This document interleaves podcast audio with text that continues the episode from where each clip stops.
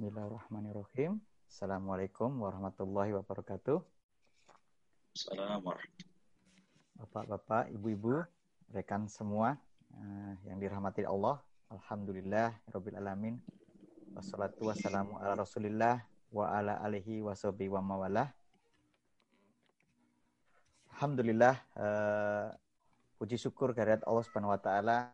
Salawat dan salam pada junjungan kita Rasulullah sallallahu alaihi wasallam pada hari ini kita bisa dipertemukan kembali uh, dalam acara yang diselenggarakan oleh Learning and Development Department dari IMSA untuk bisa mendapatkan ilmu-ilmu dan tausiah dari ustadz dan ustazah dalam rangka menangani situasi yang ada sekarang dengan COVID-19 sehingga sehingga kita banyak berdiam di rumah hingga insya Allah waktu-waktu yang ada ini kita manfaatkan dengan sebaik mungkin. Insya Allah Bapak-Bapak Ibu sekalian melanjutkan dari apa yang sudah diagendakan oleh Learning and Development eh, Departemen dari IMSA bahwa kita ada berseri. Kita ada tausiah berseri dari Ustadz kita yang tentunya uh, sudah tidak asing bagi kita, Ustadz Dr. Agustiawan yang Alhamdulillah sudah bersama kita juga uh, sore ini sudah siap untuk melanjutkan seri sahabat yang dijanjikan surga. Bagaimana beliau sudah uh, menyampaikan dari hadis uh, yang ada dari Rasulullah SAW mengenai beberapa sahabat yang dijanjikan oleh surga, dijanjikan oleh beliau surga. Nah, insya Allah uh, kita sapa dulu Ustadz kita yang sudah bersama kita. Assalamualaikum warahmatullahi wabarakatuh, Ustaz Agus. Waalaikumsalam warahmatullahi wabarakatuh. Salam. Alhamdulillah, gimana kabarnya Ustaz? Alhamdulillah. Sudah sahur kita di sini. Oh, Masya Allah. Alhamdulillah. Alhamdulillah. Insya Allah. Iya, ternyata Bapak-Bapak Ibu sekalian, ternyata ada satu yang saya lupa ternyata. kita insya Allah uh, akan memulai puasa Ramadan untuk yang di Amerika mulai besok. Jadi malam ini mungkin sudah uh, terawih yang pertama dan alhamdulillah untuk di Indonesia ternyata sudah uh, puasa ya, sudah sahur. Jadi seperti yang Ustadz Agus uh, beritahukan kepada kita bahwa mereka sudah uh, di depan kita sudah sahur. Alhamdulillah Ustadz. Ustadz, uh, mungkin sebelum kita masuk di uh, acara, ini seperti biasa nih mengenai update kondisi di tanah air, apalagi saya juga baru mendengar dari keluarga bahwa sudah ada peraturan dari pemerintah mengenai uh, tidak tidak ada mudik, tidak diperbolehkan mudik ya. Kemudian ada juga mengenai uh, uh, tidak adanya penerbangan komersial, kemudian juga tidak ada kapal laut dan kemudian penggunaan transportasi baik pribadi maupun umum ini Ustadz. Mungkin uh, sekedar uh, update Ustadz mengenai kondisi yang ada sekarang apalagi sudah dengan uh, Ramadan yang sudah dimulai di sana Ustadz. Ya. Bismillahirrahmanirrahim. Alhamdulillah, salatu wassalamu ala rasulillah. Terima kasih Mas Fembri dan juga rekan-rekan uh, IMSA khususnya di Learning and Development serta juga para pemeriksa semuanya untuk kondisi di tanah air khususnya di Jakarta misalkan uh, pembatasan sosial berskala besar atau yang di sana mungkin lebih dikenal dengan lockdown yang sejatinya itu diberlakukan kemarin sampai tanggal 21 April itu diperpanjang oleh pemerintah sampai 22 Mei. Ya, jadi uh, a day or two days before it ya. Jadi diperpanjang untuk PSBB ini sampai tanggal 22 Mei. Ini uh, dengan demikian maka berarti uh, ini sebuah sinyal bahwa untuk di Jakarta pun sesuai yang diarahkan oleh pemerintah pusat untuk tidak mudik ke eh, apa daerahnya ya. Dan yang menariknya semalam juga walaupun terdengar azan Isya di eh, masjid namun eh, tarawehnya keluarga-keluarga mengadakan di rumah masing-masing. Jadi eh, terdengar bagaimana eh, dari rumah-rumah itu sholat taraweh berjamaah di rumah ya uh, ini cukup menarik untuk sebuah uh, Ramadan yang di tengah pandemi atau di tengah kondisi yang dikenal dengan the new normal ya. Jadi uh, sesuatu yang tidak biasa dan sekarang menjadi biasa. Adzan isyaknya di masjid tapi kemudian terawihnya kita dengar dari rumah ke rumah berjamaah dan uh, subhanallah mudah-mudahan spirit ini bisa terus dijaga. Adapun untuk larangan mudik memang seperti yang disampaikan dan juga uh, untuk penerbangan komersial dan juga uh, domestik maupun internasional ini dalam beberapa hari ke depan akan mulai diberlakukan ya. Jadi uh, ini merupakan langkah pemerintah pusat dan daerah ataupun Jakarta untuk kemudian memutus mata rantai penyebaran dari uh, COVID-19 ini. Demikian Mas Febri. Alhamdulillah. Atas uh, update-nya Ustadz. Uh, insya Allah uh, Bapak-Bapak, Ibu, dan rekan sekalian uh, pendengar setia, uh, insya Allah kita akan langsung pada masuk pada materi. Uh, kita sudah waktu 5.40 PM untuk uh, Pasifik dan uh, 8.40 untuk ke East Coast ya. Dan insya Allah mungkin rekan-rekan yang di East Coast sudah uh, mungkin ada beberapa yang sudah sudah siap-siap tarawih ini insya Allah ya kemungkinan karena ya sebentar lagi mungkin isya di sana. Atau mungkin sudah lewat wallah alam. Oke insya Allah kita tidak akan perpanjang e, pembukaannya. Kita e, berikan waktunya. Tafadhol Ustaz silahkan. Bismillahirrahmanirrahim. Assalamualaikum warahmatullahi wabarakatuh. Alhamdulillahilladzi arsala rasulahu bil huda wa dinil haqq. ليظهره على الدين كله وكفى بالله شهيدا. نشهد أن لا إله إلا الله شهادة حق وصدق شهادة تنجينا من عذاب الله. ونشهد أن محمدا عبده ورسوله. اللهم صل وسلم وبارك على نبينا محمد وعلى آله وصحبه ومن سار على نهجه واستنى بسنته إلى يوم الدين. قال الله عز وجل في كتابه الكريم أعوذ بالله من الشيطان الرجيم من المؤمنين رجال صدقوا ما عاهدوا الله عليه فمنهم من قضى نحبه ومنهم من ينتظر وما بدلوا تبديلا صدق الله العظيم Hadirin, hadirat sahabat Imsa yang sama-sama merindukan surga Allah Subhanahu wa taala. Tentunya tiada kata yang pantas kita lantunkan di pagi waktu Indonesia dan di malam hari waktu Amerika melainkan ucapan syukur alhamdulillah. Kita rasakan betapa sayangnya Allah kepada kita. Di tengah pandemi COVID-19 ini, di tengah apa yang disebut dengan the new normal saat ini, Allah Subhanahu wa taala masih meletakkan iman dan Islam di jantung kita dan kita masih berusaha sebagai hambanya untuk mengisi waktu-waktu kita di rumah ini dengan rangkaian kegiatan menambah ilmu dan keimanan kita kepada Allah Subhanahu wa taala. Ini merupakan suatu hal yang perlu kita syukuri karena ini adalah karunia besar dari Allah Subhanahu wa taala. Kita berharap dan berdoa mudah-mudahan Allah Subhanahu wa taala memberikan keistiqomahan kepada kita serta Allah mewafatkan kita dalam keadaan husnul khatimah. Salawat teriring salam tidak lupa kita haturkan kepada panutan kita Nabi besar Nabi Muhammad sallallahu alaihi wasallam, sosok yang kita cintai, sosok yang kita rindui, sosok yang kita berharap mudah-mudahan Allah Subhanahu wa taala berkenan untuk mempertemukan kita dengan Nabi Shallallahu Alaihi Wasallam di surganya. Amin ya robbal alamin. Hadirin hadirat para perindu surga Allah Subhanahu Wa Taala. Seperti yang saya sampaikan pada pekan yang lalu, ada sebuah ungkapan yang mengatakan tashabbahu bil kirami inna tashabbuha bil kirami kiramu. Bercerminlah dengan orang-orang yang mulia. Seandainya engkau tidak mampu seperti mereka, maka niat dan usaha mencontoh mereka sudah merupakan kemuliaan.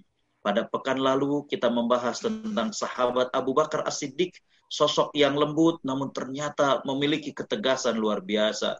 Maka pada saat ini kita akan membahas tentang sahabat yang lainnya. Next. Sebelum kita masuk kepada sahabat yang akan kita kaji, maka kita akan melihat ya bahwa dalam sebuah hadis Nabi Shallallahu Alaihi Wasallam bersabda, Abu Bakrin fil jannah, wa Umar fil jannah, wa Uthman fil jannah, wa Ali fil jannah, wa Talha fil jannah, wa Zubair fil jannah, wa Abdurrahman bin Auf fil jannah, wa Sa'd fil jannah, wa Sa'id fil jannah, wa Abu Ubaidah al-Jarrah fil jannah. Inilah yang kemudian dikenal dengan 10 orang sahabat yang dijanjikan surga. Karena Nabi Shallallahu mengatakan dalam satu waktu, dalam satu statement bahwa ada 10 orang yang langsung dijanjikan oleh Nabi Shallallahu masuk surga. Abu Bakar di surga, Umar di surga, Uthman di surga, Ali di surga, Talhah bin Ubaidillah di surga, Zubair bin Awam di surga, Abdurrahman bin Auf di surga, Sa'ad bin Abi Waqqas di surga, Sa'id di surga, Abu Ubaidah al-Jarrah di surga. Subhanallah. Manusianya masih dunia. Tapi oleh Nabi Shallallahu Alaihi Wasallam sudah dijanjikan untuk mendapatkan surga Allah Subhanahu Wa Taala. Next berikutnya. Namun ternyata bukan hanya 10 sahabat yang dijanjikan masuk surga. Ya. Dalam banyak riwayat yang lain Nabi Shallallahu Alaihi Wasallam ternyata pernah menyebutkan tentang Khadijah ibnu Khuwailid. Bagaimana saya menyampaikan bahwa Jibril alaihi salam datang kepada Nabi SAW dan Jibril yang langsung memberikan kabar gembira bagaimana Khadijah mendapatkan surga. Keluarga Yasir ketika kemudian bagaimana Sumayyah disiksa sehingga menjadi wanita yang syahid pertama kali. Maka Nabi SAW mengatakan, Sabrun ala Yasir, Inna mau'idakumul jannah. Bersabarlah keluarga Yasir. Bukan hmm. hanya Sumayyah. Yasir, Sumayyah dan juga Ammar bin Yasir. Maka tempat engkau adalah di surga. Amr bin Jamuh ketika beliau terluka. Maka Nabi SAW mengatakan ini adalah menjadi saksi bahwa engkau adalah ahli surga. Dan juga sahabat-sahabat yang lainnya. Ya. Bahkan ketika Nabi SAW berada dalam sebuah majelis. Nabi SAW menyampaikan ilmu kepada para sahabat Tiba-tiba kemudian masuk seorang sahabat, masih basah janggutnya karena bekas berwudu. Sahabat ini terlambat hadir di majelis Nabi SAW. Tapi kemudian Nabi mengatakan akan masuk ke dalam majelis kita rojulun min ahli jannah, seseorang dari penghuni surga. Subhanallah. Ya. Jadi kembali bahwa selain yang sepuluh, masih banyak lagi sahabat yang dijanjikan masuk surga. Yang menjadi pertanyaan kita adalah kita perlu mengenal mereka. Kita perlu untuk mencontoh mereka apa yang kira-kira bisa kita lakukan. Seandainya kita tidak sama persis dengan mereka, maka usaha niat baik kita untuk mencontoh mereka sudah merupakan kemuliaan tersendiri. Next berikut. Yang akan kita bahas pada kesempatan pagi ini adalah ya, bagaimana Umar bin Khattab radhiyallahu anhu. Saya memberikan judul Umar bin Khattab awalnya benci lalu menjadi pembela Islam. Ya. Next kita akan lihat Umar bin Khattab radhiyallahu an. Ya. Nama lengkap beliau adalah Umar bin Khattab bin Nufail. Ya. Nama beliau adalah Umar. Ayah beliau adalah Khattab. Ya. Beliau punya saudari yang bernama Fatimah. Beliau juga punya uh, saudara-saudara yang lain. Ya. Jadi Umar bin Khattab bin Nufail bin Adi bin Abdul Uzza dan di ujung kita lihat adalah bin Ka'ab bin Lu'ay. Jadi ternyata ya bagaimana memiliki kesatuan sebagaimana juga Abu Bakar As-Siddiq ya, maka Umar bin Khattab juga memiliki garis yang sama, nasabnya bersambung dengan Nabi SAW, tapi di Ka'ab bin Lu'ay. Beliau gelar atau kunyahnya adalah Abu Hafs. Abu Hafs. Ya. Ini merupakan tradisi dari para sahabat dan salafus soleh untuk menggunakan kunyah. Ya. Jadi kembali bahwa kunyah beliau adalah Abu Hafs dan beliau dijuluki dengan Al-Faruq. Karena apa? Karena beliaulah menjadi pembeda antara hak dan batil. Next berikut. Ya. Umar bin Khattab berasal dari keluarga yang mulia. Ya. Ibunya, kalau tadi Khattab, ya, kalau ayahnya, ibunya bernama Hantamah binti Hisham. Ya. Di mana ibunya adalah saudari dari Abu Jahal bin Hisham. Ya. Abu Jahal namanya adalah Amr bin Hisham. Ya.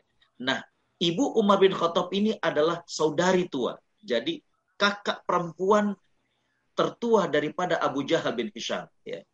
Kita fahami bahwa ya, Abu Jahal ini ya, dan juga eh, apa namanya eh, yang lainnya, maka dikenal sebagai tokoh di kalangan Quraisy pada saat itu. Sehingga Umar bin Khattab berasal dari keluarga yang merupakan memang tokoh di kalangan Quraisy pada saat itu. Bahkan kalau kita lihat bahwa keluarga Umar bin Khattab memang berasal dari kabilah yang biasa untuk kemudian melakukan lobby-lobby kepada kabilah-kabilah yang lain. Ya. E, karena memang Allah anugerahkan kepada kabilah-kabilah tertentu bagaimana fisik yang meyakinkan dan ini kemudian menjadikan mereka dipercaya untuk kemudian melakukan pembicaraan antar kabilah. Ya. Tidak bisa dipungkiri bahwa tampilan fisik ini mempengaruhi. Begitu juga dengan kelebihan berbicara. Dan itulah yang Allah berikan kepada kabilah daripada Umar bin Khattab. Kita akan lihat bagaimana fisik daripada Umar bin Khattab. Ya, next. Ya. Al-Imam Ibnu Sa'ad dalam kitabnya At-Tabaqatul Kubra, ya, beliau menggambarkan bagaimana fisik dari Umar bin Khattab. Umar bin Khattab berperawakan tinggi. Berperawakan tinggi. Ya. Kepala bagian depannya agak tidak berambut. ya. Kemudian Al-Imam Ibn Sa'ad mengatakan beliau selalu bekerja dengan kedua tangannya. Artinya bagaimana kekar. Ya. Ini maksudnya adalah bagaimana bukan saja berperawakan tinggi, tapi Umar bin Khattab juga adalah seorang yang kekar karena biasa melakukan pekerjaan-pekerjaan keras, biasa melakukan pekerjaan-pekerjaan kasar, sehingga kemudian badannya juga kekar. Ya. Bola matanya hitam. Kulitnya ada yang mengatakan kuning dan ada yang mengatakan putih kemerah-merahan. Ya. Ini ada dua pendapat. Ya.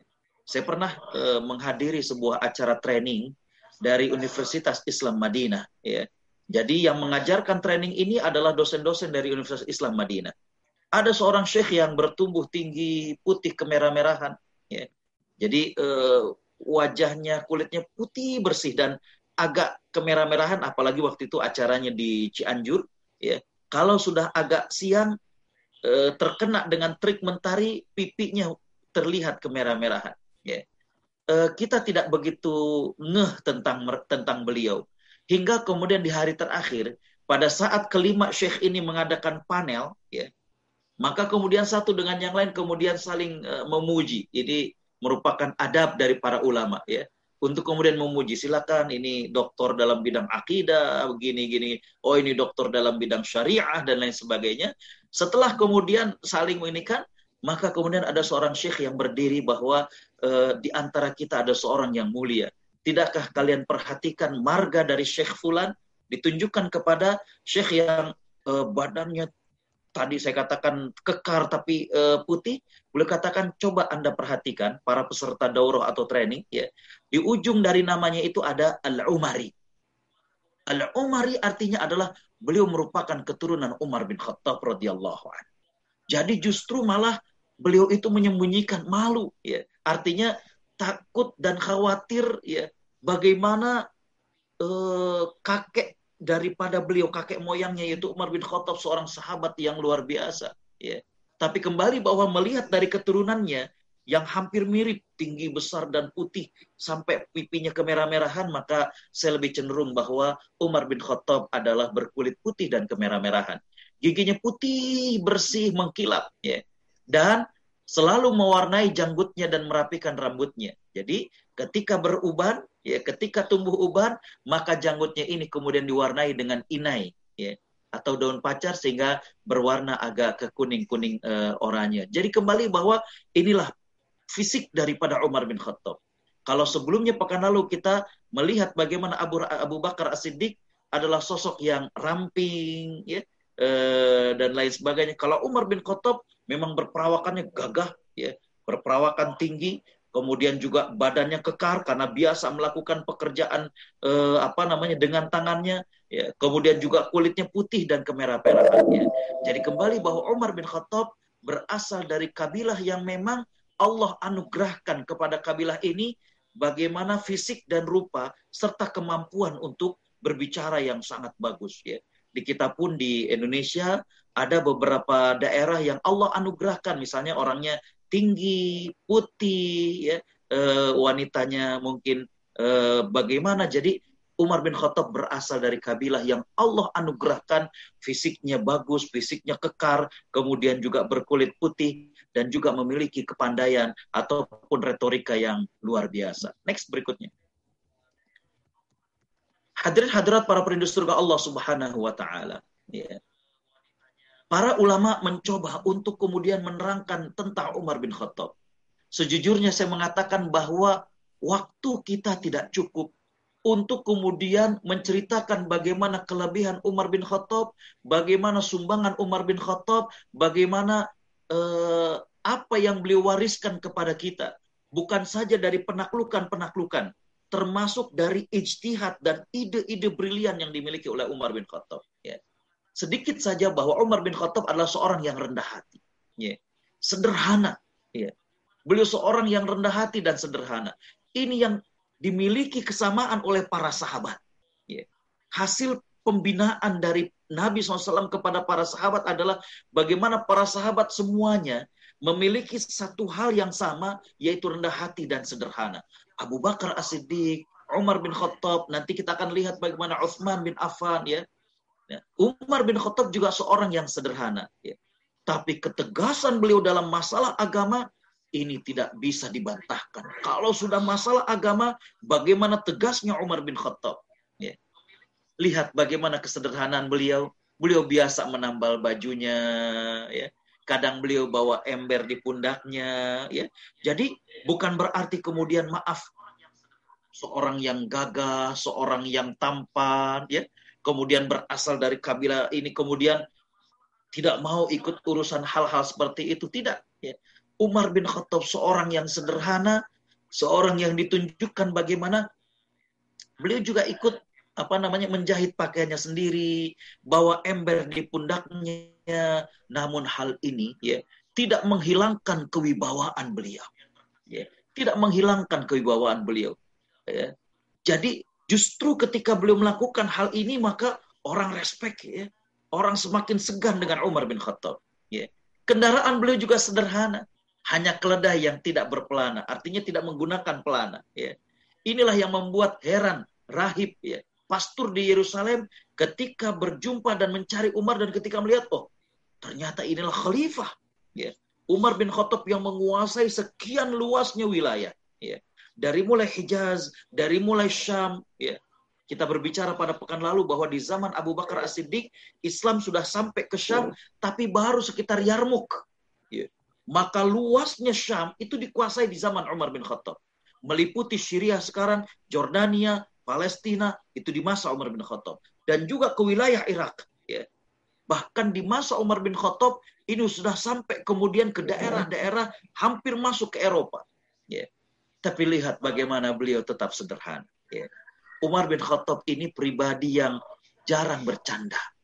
Beliau menggunakan cincin yang kemudian tertulis kafa bil mauti. Cukup kematian itu menjadi nasihat bagi engkau wahai Umar. Lihat, ya. Jadi apa yang melekat kepada diri beliau ini memiliki berkah. Berkahnya apa? Menjadikan kita dekat dengan Allah Subhanahu wa taala. Dulu kiai saya mengatakan bahwa kalau kalian ingin melihat bahwa apa yang Allah berikan kepada kalian berkah atau tidak, maka lihat apakah yang Allah berikan itu menjadikan kalian ingat kepada Allah dan taat kepadanya. Ya. Kita buka lemari kita. Kita lihat pakaian kita. Adakah pakaian ini kita gunakan untuk taat kepada Allah? Ataukah hanya sekedar kita untuk menghadiri pesta, tapi belum pernah kita lakukan menggunakan pakaian itu untuk taat kepada Allah Subhanahu wa taala. Mobil yang bagus, ya. Sudahkah kita gunakan untuk taat kepada Allah? Hadir ke muktamar, silaturahim antar sahabat, bagaimana kita ke masjid menggunakan mobil itu? Ya. Jadi Umar bin Khattab apa yang melekat kepada beliau bahkan cincin yang beliau gunakan cincin yang kemudian menjadikan beliau untuk kemudian ingat kepada Allah dan juga taat kepada Allah. Ya. Makanya dikatakan oleh seorang salafus soleh, kullu ni'matin la tuqarribu ilallahi azza wa jal fahiya. Setiap kenikmatan yang tidak menjadikan pemiliknya ingat dan dekat kepada Allah sebenarnya adalah musibah nikmat yang tidak menjadikan pemiliknya dekat dengan Allah, dia adalah musibah. Baik, next berikutnya. Ya. Hadirin hadirat para perindu surga Allah Subhanahu wa taala, ya. Yang berikutnya kita akan melihat ya, setelah kita melihat fisik daripada Umar bin Khattab, ya, maka kita akan melihat bagaimanakah keutamaan Umar bin Khattab radhiyallahu an. Ya.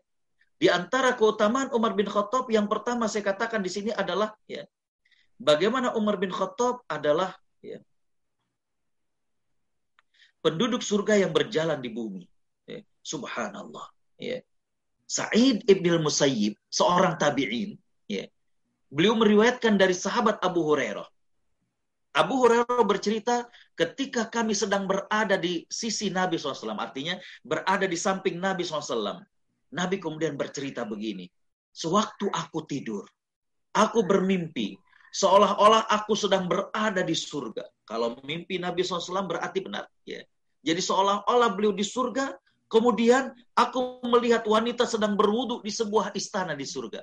Maka aku bertanya kepada wanita ini, milik siapa istana ini? Wanita-wanita yang sedang berwudu di istana tersebut mengatakan milik Umar. Lalu aku teringat bagaimana Umar seorang yang ya sangat tegas, maka aku pun kemudian menjauh tidak masuk ke istana itu. Ketika kemudian diceritakan Umar bin Khattab nangis, ya. Maka kemudian Umar mengatakan, "Ya Rasulullah, bagaimana mungkin aku cemburu dan tegas melarang engkau untuk kemudian masuk ke dalam istanaku di surga?" Ya. Hadirin hadirat para perindu surga Allah Subhanahu wa taala, ini merupakan jaminan Selain hadis dari Abdurrahman bin Auf di awal yang saya katakan, ini merupakan kabar gembira bahwa Nabi SAW menceritakan Umar bin Khattab adalah penduduk surga yang saat ini sedang berjalan di bumi bersama para sahabat. Subhanallah. Ya. Umar bin Khattab sudah disiapkan istana di surga. Ya. Inilah kemuliaan Umar bin Khattab. Next berikutnya.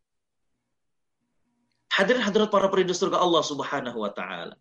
Yang berikutnya adalah Allah Subhanahu wa taala muliakan Islam dengan perantara Umar bin Khattab. Yeah. Nabi Wasallam bercerita bahwa aku bermimpi, yeah, sedang mengulurkan timba ke dalam sumur, yeah, yang ditarik dengan pengerek. Yeah. Kemudian datanglah Abu Bakar As-Siddiq mengambil air dari sumur tersebut satu atau dua timba. Yeah. Kemudian beliau terlihat lelah pada saat menarik timba tersebut. Ya. Kemudian datanglah Umar bin Khattab dan kemudian mengambil air sebanyak-banyaknya. Aku tidak pernah melihat seseorang yang abqari. Abqari ini cerdas, kuat ya, artinya kuat secara fisik dan juga kuat secara Eh, ide-ide dan lain sebagainya. Aku tidak pernah melihat seorang pemimpin yang abkori, yang begitu gesit, ya, sehingga setiap orang mampu meminum sepuas-puasnya. Bahkan air tersebut juga diberikan minum kepada onta-onta. Ya. Ini menunjukkan bagaimana Umar bin Khattab, ya, dengan wasilah beliau tadi saya katakan, bagaimana wilayah Islam semakin luas, semakin besar. Ya. Umar bin Khattab ya, menguasai bukan saja daerah Hijaz tapi ke Syam, ke Irak ya. Hadir para perindu surga Allah Subhanahu wa taala Abdullah bin Mas'ud mengatakan ya bahwa kami menjadi semakin kuat setelah Umar memeluk Islam. Ya. Di mana orang-orang Quraisy berpikir dan berhitung untuk kemudian menyakiti Nabi SAW dengan para sahabat sejak masuk Islamnya Umar bin Khattab. Ya. Dan kita juga mendapati bagaimana beliau seorang yang terang-terangan ketika akan melaksanakan hijrah. Ya. Jadi Allah subhanahu wa ta'ala muliakan Islam dengan perantara Umar bin Khattab. Inilah kelebihan dan keistimewaan Umar bin Khattab. Next berikutnya. Berikutnya yang menjadi keistimewaan dan keutamaan daripada Umar bin Khattab adalah ya, bagaimana Ali bin Abi Thalib bersaksi atas kemuliaan Umar bin Khattab. Ya. Kalangan Syiah, kalangan yang lisannya tidak bertanggung jawab dengan kemudian menuduh kepada Abu Bakar, menuduh kepada Umar, menuduh kepada Uthman bahwa ketiganya merampas kepemimpinan Ali yang sebenarnya berhak menjadi khalifah, ini terbantahkan. Ya. Bahkan Ali radhiyallahu an ini sangat-sangat salut bersaksi atas kebaikan, kehebatan, keistimewaan Umar bin Khattab setelah sholat subuh di mana Umar menjadi imam dan kemudian ditusuk oleh Abu Muljam, ya. Maka kemudian sambil berdarah-darah Umar kemudian dibawa, ya. Maka kemudian Umar bin Khattab ditidurkan di kasurnya, ya. Abdullah bin Abbas beliau cerita, ya, ketika aku sedang menjenguk Umar bin Khattab yang saat itu sedang eh, apa namanya dibaringkan karena ditusuk oleh eh, Abu Muljam, ya, maka kemudian saat beliau hadir, di mana para sahabat juga datang dan mendoakan Umar bin Khattab, tiba-tiba ada seseorang yang menepuk pundakku. Ketika aku melihat, ternyata dia adalah Ali bin Abi Thalib. Ya. Ali bin Abi Thalib kemudian membuka doanya dengan hamdalah, kemudian salawat dan salam kepada Rasulullah, ya, dan kemudian mendoakan Umar bin Khattab, kemudian Ali bin Abi Thalib mengatakan, engkau tidak pernah meninggalkan seseorang yang dapat menyamai dirimu. Artinya tidak akan ada orang yang seperti engkau, wahai Umar. Ya. ya. Luar biasa. Ya. Dan aku berharap bisa seperti engkau. Ya. Aku berharap bisa seperti engkau ketika menghadap Allah Subhanahu wa taala. Artinya bagaimana Ali bersaksi bahwa Umar bin Khattab adalah seorang yang mulia, tidak ada bandingannya. Ya dari mulai beliau masuk Islam sampai di akhir ini bagaimana istiqomahnya Umar bin Khattab, bagaimana pembelaannya Umar bin Khattab ya. Demi Allah kata Ali bin Abi Thalib, aku sangat yakin bahwa Allah akan mengumpulkanmu dengan dua sahabatmu yang lain yaitu Rasulullah Shallallahu alaihi wasallam dengan Abu Bakar. Next berikutnya. Ali bin Abi Thalib kemudian ya menceritakan hadis Nabi Shallallahu alaihi wasallam di mana Ali mengatakan aku sering mendengar Rasulullah Shallallahu Alaihi Wasallam bersabda, aku berangkat bersama Abu Bakar dengan Umar, aku masuk bersama Abu Bakar dengan Umar, aku keluar bersama Abu Bakar dengan Umar. Ini menunjukkan bahwa Nabi Shallallahu Alaihi Wasallam merasakan bahwa Abu Bakar dengan Umar adalah orang yang terdekat dengan beliau. Ya. Makanya Ali mengatakan bahwa engkau akan bersama kedua sahabatmu yang terdahulu. Engkau akan bersama dengan Rasulullah. Engkau akan bersama dengan Abu Bakar. Subhanallah. Ya. Kalau di dunia saja Nabi Wasallam sudah mengatakan, aku bersama Abu Bakar dengan Umar, maka sudah barang tentu ya ketika Ali mengatakan bahwa engkau akan bersama dengan kedua sahabatmu ini menunjukkan bahwa Ali bin Abi Thalib bersaksi bahwa Umar juga akan mendampingi Nabi Wasallam di surga. Yeah. Next yang berikutnya di antara keistimewaan dan juga kelebihan Umar bin Khattab adalah ya, wibawanya Umar bin Khattab. Ya, subhanallah. Ya. Aisyah radhiyallahu anha bercerita ya, bahwa ya, kalaulah Umar bin Khattab berlalu, artinya berjalan, dan setan ingin kemudian lewat, ya, maka labahatha fajjan ghaira fajjih. Ya. Begitu riwayatnya maka setan akan mencari jalan selain jalan yang dilalui Umar bin Khattab. Subhanallah. Ya. Berbeda sama kita. Kalau kita lewat, uh setan ngerubung. Uh ini gampang digoda. Umar bin Khattab dengan wibawanya. Bagaimana tegasnya beliau terhadap kebenaran. Bagaimana tegasnya beliau terhadap kemungkaran. Sampai setan saja. Kalau kemudian ingin berpapasan, setan akan mencari jalan yang lain. Subhanallah. Ya. Ya. Subhanallah wibawanya Umar bin Khattab. Ya. Sampai setan berlari ketakutan. Dan setan akan mencari jalan yang lain. Ya. Hadirin-hadirat para perindu surga Allah subhanahu wa ta'ala.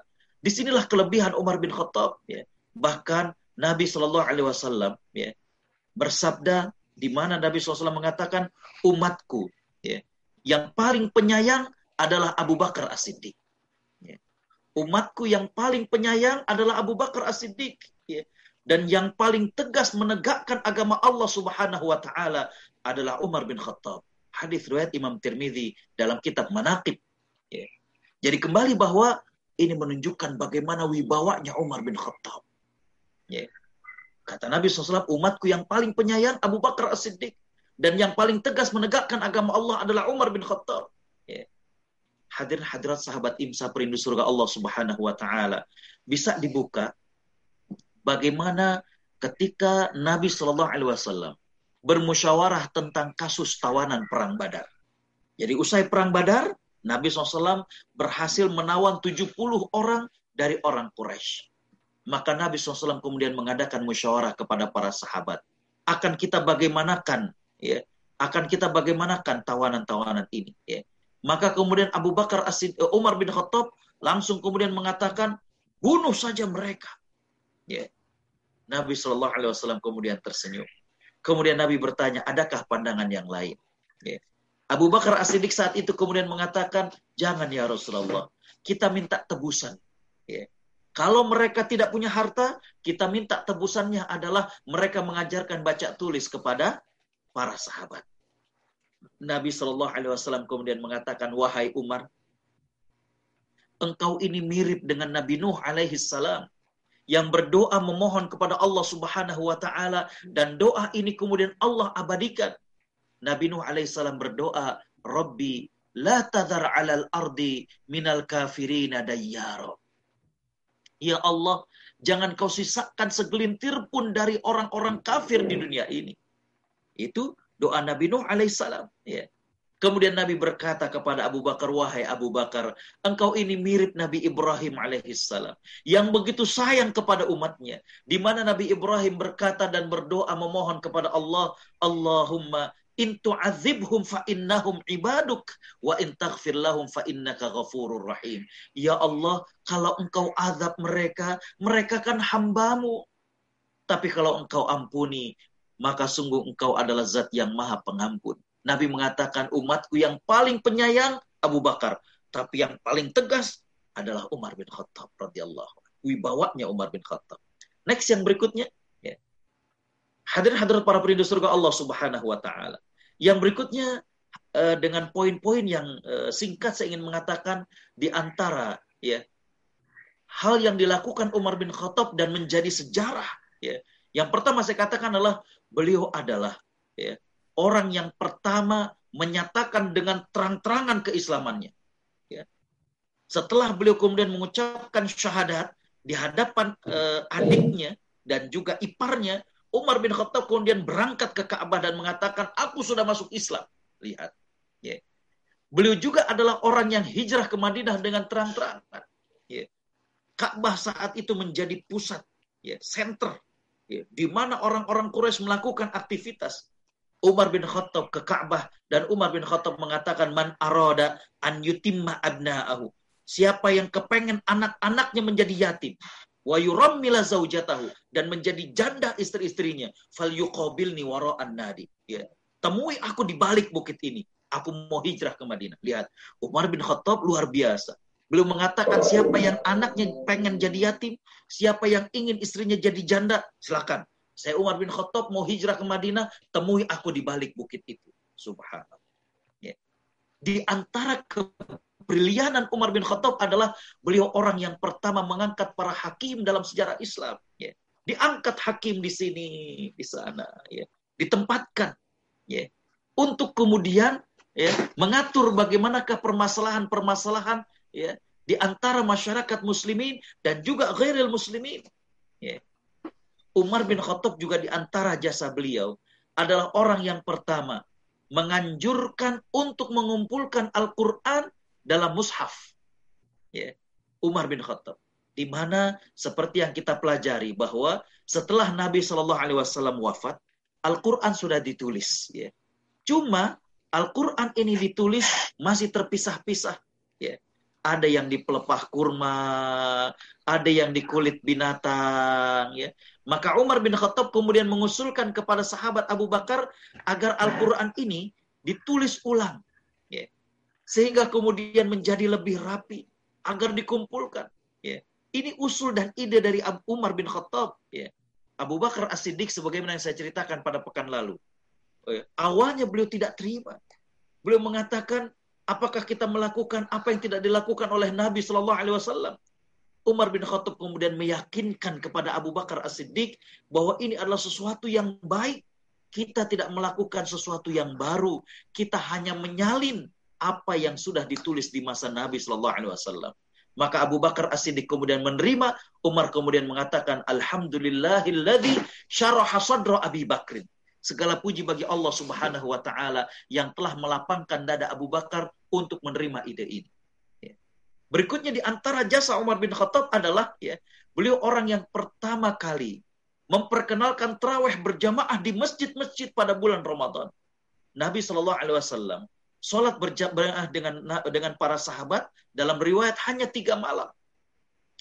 Di malam keempat diriwayatkan bahwa para sahabat menunggu di masjid. Nabi tidak keluar dari rumahnya.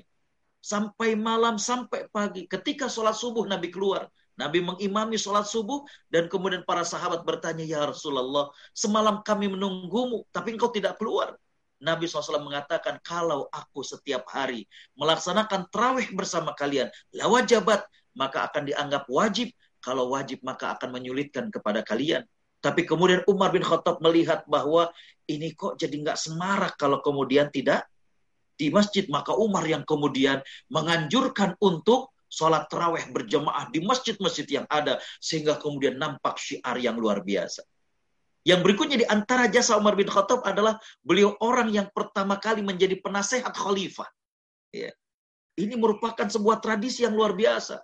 Di mana para sahabat mengajarkan yang namanya pemimpin perlu ada penasehat agama yang kemudian memberikan masukan-masukan bagaimanakah pandangan Islam sehingga kemudian ya apa yang diambil kebijakan oleh pemimpin itu bisa sangat-sangat membawa kebahagiaan, membawa keselamatan dan kesejahteraan bagi masyarakat secara umum.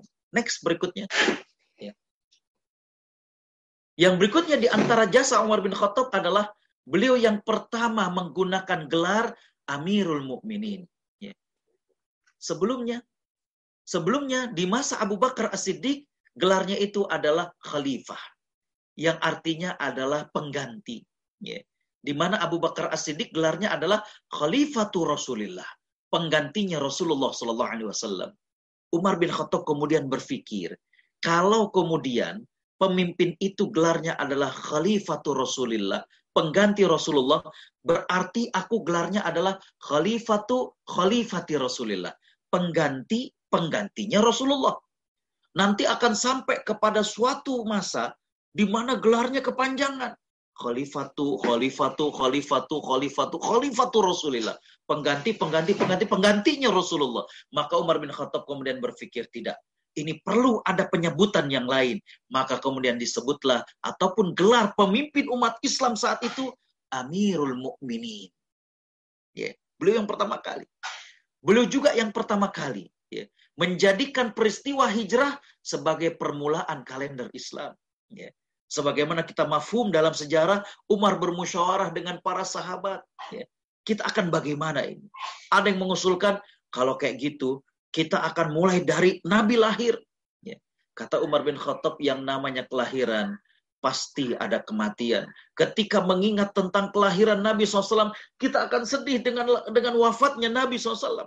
Maka kemudian diambillah bahwa peristiwa hijrahlah, di mana Islam kemudian menjadi semakin berkembang sebagai awal ya, pengkalenderan dalam Islam. Ide Umar bin Khattab. Ya. Jasa yang berikutnya dari Umar bin Khattab adalah beliau orang yang pertama kali memperluas Masjidil Haram dengan Masjid Nabawi. Ya dengan penaklukan-penaklukan, dengan invasi, dengan perluasan wilayah Islam, maka tentunya yang haji, yang umroh semakin banyak. Maka Umar kemudian berpikir, dan beliau orang yang pertama kali memperluas Masjidil Haram. Ya. Hadirin hadirat, para perindu surga Allah Subhanahu wa taala, kalau berangkat ke Masjidil Haram ya, apalagi sebelum kemudian eh, perluasan sekarang ya, atau perluasan matof tempat tawaf itu kita akan bisa dengan mudah melihat oh ini perluasan zaman raja siapa zaman raja siapa dari ornamennya dari warna marmernya itu bisa kita kenali. Begitu juga di masjid Nabawi ya marmer-marmernya seni ininya itu bisa terlihat oh ini di masa siapa di masa khilafah siapa dan lain sebagainya kembali bahwa di antara jasa Umar bin Khattab bahwa beliau adalah orang yang pertama kali memperluas Masjidil Haram dengan Masjid Nabawi Umar bin Khattab juga yang pertama kali memperkenalkan sistem Baitul Mal. Ya. Di, mas, di mana ya, setelah kemudian begitu banyaknya penaklukan dan perluasan wilayah Islam, maka uang kas negara surplus. Ya. Umar bin Khattab melihat ada satu konsep dari orang Persia yang bagus dan ini bisa dicontoh. Itulah konsep Baitul Mal. Ya. Sangat menarik sekali konsepnya. Ya. Makanya apa yang dilakukan oleh Umar bin Khattab banyak dijadikan tesis, banyak dijadikan disertasi untuk kemudian menjadi khazanah ilmiah luar biasa. Bagaimana sistem ekonomi di masa Umar bin Khattab, bagaimana ijtihad-ijtihad di masa Umar bin Khattab. Salah satunya adalah Umar bin Khattab berijtihad ya, di mana sudah semakin banyak penaklukan-penaklukan dan para tentara sebagaimana di zaman Nabi SAW juga, maka di antara hak mereka adalah mereka diberikan tanah dari wilayah penaklukan itu. Umar bin Khattab mempertimbangkan. Ini ketika para prajurit dan para tentara mendapatkan tanah, maka mereka banyak yang beralih menjadi pekebun atau petani, menggarap tanahnya. Ya. Umar bin Khattab mengatakan berpandangan bahwa Terus yang jadi tentara ini siapa? Ya. Kalau kemudian tentara kemudian beralih tugas menjadi para pekebun, para petani, terus siapa yang jadi tentara? Maka Umar kemudian berijtihad bahwa ya, ini para tentara tidak mendapatkan tanahnya. Tapi tanah tersebut digerap, digarap oleh orang setempat, nanti hasilnya kemudian didapati ataupun diberikan kepada para tentara tersebut. Ini ijtihad dari Umar. Ya. Dan ini kami ambil, ya, saya sebagai Dewan Syariah Lembaga Amil Zakat Nasional, yaitu IZI, Inisiatif Zakat Indonesia, maka dari ijtihad Umar itu kita ambil bahwa zakat itu, ya, selain boleh kita berikan nominal atau uangnya, maka zakat juga boleh diberikan manfaatnya. Ya, contoh misalkan, ya misalkan begitu ya, imsaker ataupun apa ya bekerja sama misalkan dengan IZI ya kita melihat bahwa oh banyak daerah-daerah uh, yang masih minim penghasilan mereka, yang miskin, anak-anaknya perlu ilmu dan lain sebagainya, ya, maka kemudian kita bisa membuat apa yang disebut dengan perpustakaan keliling. Ya. Jadi beli mobil, tapi mobilnya kayak semacam box, kemudian kita beli buku-buku, ya, kemudian setiap hari atau eh, hari apa disepakati, mobil tersebut akan Eh, bertempat di tempat tadi saya katakan daerah yang miskin tersebut dan anak-anak yang miskin mereka diperkenankan untuk membaca ya. Jadi mereka tidak diberikan uangnya tapi mereka diberikan manfaatnya dengan adanya perpustakaan keliling itu. Jadi kembali bahwa banyak hal yang dilakukan oleh Umar bin Khattab dan itu di antara jasa besar beliau baik dari sektor kepemerintahan, sektor ekonomi dan lain sebagainya. Next yang berikutnya. Hadirin hadirat para perindu surga Allah Subhanahu wa taala, ya. Tidak banyak waktu untuk menceritakan tentang beliau. Satu lagi pelajaran yang ingin saya sampaikan adalah ya next ya.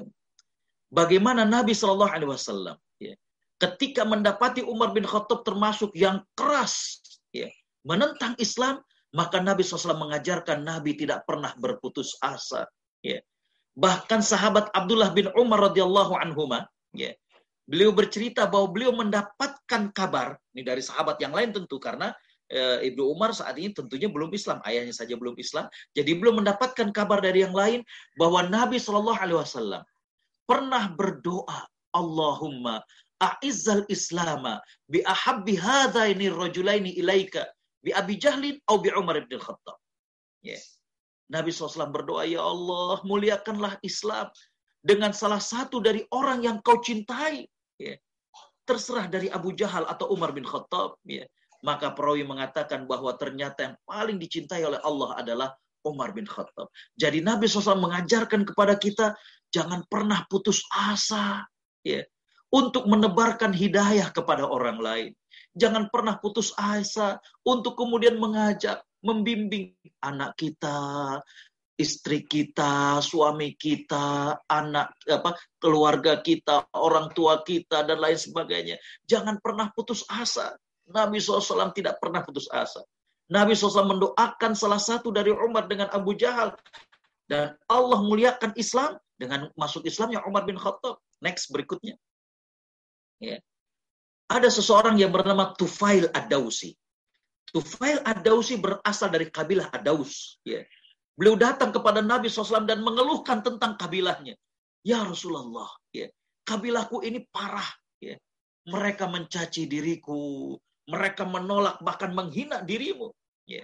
Lihat, Nabi SAW tidak responsif. Nabi SAW tidak kemudian marah dan langsung kemudian mencaci maki.